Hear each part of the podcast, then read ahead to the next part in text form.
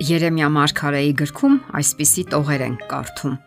Տերը վաղուց երևաց ինձ եւ ասաց. Հավիտենական սիրով եմ սիրել քեզ, դրա համար ողորմությամբ քեզ դեպի ինձ քաշեցի։ Մի հայտնի հոգեբան իր դասընթացներից մեկը սկսեց 100 դոլարանոցը բարձրացնելով։ Դալիճում մոտ 200 մարդ կար։ Նա հարցրեց. ով է ուզում ստանալ թղթադրամը։ Բնականաբար բոլորը մի մարդու պես ձեռք բարձրացրին։ Մինչ ձեզանից մեկը կստանա այս թղթադրամը, ես մի բան կանեմ, շարունակեց հոկեբանը։ Նա այն ճմրթեց եւ նորից նույն հարցը տվեց։ Բոլորը դարձյալ ձեռք բարձրացրին։ Այդ դեպքում ասաց նա, ես մեկ այլ բան կանեմ։ Նա հատակին նետեց թղթադրամը, տրորեց, հետո բարձրացրեց այն։ Թղթադրամը կեղտոտ եւ ճմրթված էր։ Դե, ձեզանից ում է պետք այս թղթադրամը։ Բոլորը մի մարդու պես նորից ձեռք բարձրացրին։ Հարգելի բարեկամներ, ասաց հոկեբանը, հենց նոր կարևոր դաս ստացանք։ Չնայած այն ամենին, ինչ ես արեցի, դուք դեռևս ցանկանում եք ստանալ այն, քանի որ այն իր արժեքը չի կորցրել։ Այն դեռևս 100 դոլարանոց թղթադրամ է։ Քրիստոնյա բարեկամ, կյանքում հաճախ պատահում է այնպես, երբ մենք լքված, տրորված, ոչնչացված ենք զգում մեզ։ Այդպիսին է մեր կյանքի իրականությունը։ Նման դեպքերում մենք կարծում ենք, որ ոչ մեկին պետք չենք, բայց կարևոր չէ թե ինչ է եղել կամ ինչ կլինի մեզ հետ։ Մենք երբեք չենք կորցրել մեր արժեքը։ Կեղտոտ թե մաքուր, մենք միշտ անգին ենք Աստծո համար, որովհետև նա սիրում է մեզ։ Դու յուրահատուկ ես, ասում է մեր Տերը, եւ այս ճշմարտությունն է հոգեվոր առողջության հիմքում։ Իսկ երբ մարդն իրեն սիրված չի զգում,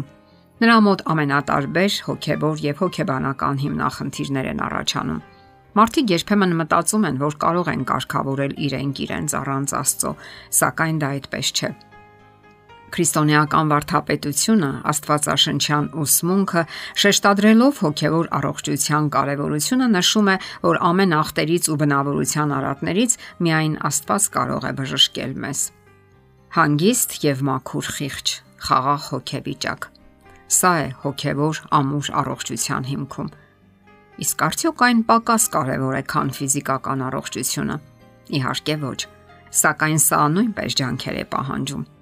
Պահանջում է ունենալ խաղաղ եւ դրական վերաբերմունք բոլոր մարդկանց հանդեպ, ներման հոգի եւ ներողամտություն, որpիսի կարողանանք ներել բոլորին, անկախ նրանց արժանինքներից Իսկ արժանինքի մասին մենք բնականաբար դատում ենք մեր մարդկային սահմանափակ հնարավորություններով։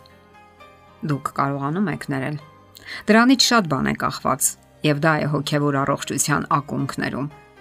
Կատարվել է ուշագրավ գիտական ուսումնասիրություն ողրզելու ներման հետևանքները մեր օրգանիզմի վրա։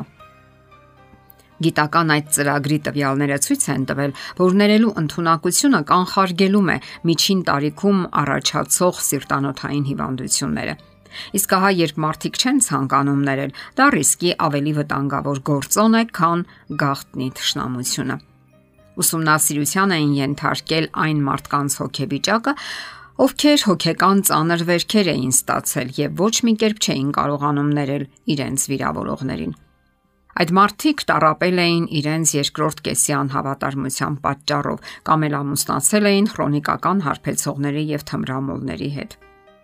Հետևել էին նաև այնպիսի մարդկանց, ովքեր դավաճանական հարվածներ էին ստացել հարազատ մարդկանց կողմից եւ հետևություններն իսկապես ցնցող էին։ Այսպես, եթե մարդը կարողանում է ներել իրեն նեղացնող մարդուն, նրա մեջ զարգանում է եւ իրեն եւ զգացմունքներին տիրապետելու ընտունակություն եւ ներող մարդը քիչ է բարկանում, քիչ է վշտանում կամ վիրավորում։ Հայտնաբերվել է նաև, որ այն մարդիկ, ովքեր ցանկանում են ներել եւ իսկապես ներում են, հազվադեպ են բողոքում իրենց առողջությունից։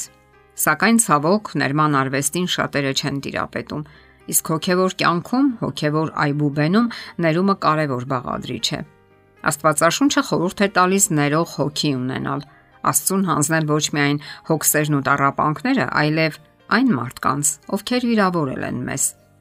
Ներումը ենթադրում է թե գիտակցական, թե մտքի գործընթաց եւ թե զգացմունքային դրսևորում։ Շատ մարդիկ ներելիս կամ էլ ներում խնդրելիս կարող են հուզմունքի, լացի, զգայական դրսևորումներ ունենալ, եւ դա միանգամայն բնական է։ Ինչ է պետք անել ներելու համար։ Կենտրոնացեք այն անznավորության վրա, ով վիրավորել կամ նեղացրել է ձեզ, ով հոգեկան տարապանք է պատճառել։ Աղոթեք այդ մարդու համար։ Խնդրեք, որ Աստված ներման հոգի տա ձեզ։ Աղոթքի մեջ ասացեք, որ որոշում եք ներել այդ մարդուն։ Ներում եք այն բոլոր ճարիքների համար, որ նա պատճառել է ձեզ կամա թե ակամա։ Հիշեք, որ շատ վիրավորանքներ մարդուն հասցնում են ակամա առանց ցանկանալու։ Որոշ մարդիկ պարզապես բիրտ են ու կոպիտ Դա նրանց բնավորությունն է։ Աղոթքի մեջ կարող եք ասել, որ Աստծուն եք հանձնում բոլոր ծանր հիշողություններն ու զգացմունքները, որոնք անթեղված են ձեր մեջ։ Առողջ հոգեբանություն ունենալու համար կարևոր է նաև հրաժարվել վրեժխնդրությունից։ Հրաժարվեք բոլոր չարամիտ վրեժխնդրության մղող նենք մտքերից։ Խնդրեք Աստծուն, որ առաջնորդի ձեր կամքը, զգացմունքներն ու մտքերը։ Ասացեք, որ իրեն եք հանձնում ձեր ողջ էությունը, որովհետև միայն նա կարող է ապակինել ձեր էությունը եւ վերականգնել խաթարված մտքերն ու զգացմունքները, որովհետև նա ցանկանում է բժշկել ձեր հոգին, միտքն ու մարմինը եւ հոգեվոր առողջություն ապարգևել, եւ որովհետև Աստված սիրում է քեզ։ Հիշենք Երեմիայի խոսքերը Աստծո վերաբերյալ։ Հավիտենական սիրով եմ սիրել քեզ։ Դրա համար ողորմությամբ քեզ դեպի ինձ քաշեցի։ Եթերում ղողանջ հավերժության հաղորդաշարն է։ Հարցերի եւ առաջարկությունների համար զանգահարել 033 87 87 87 հեռախոսահամարով։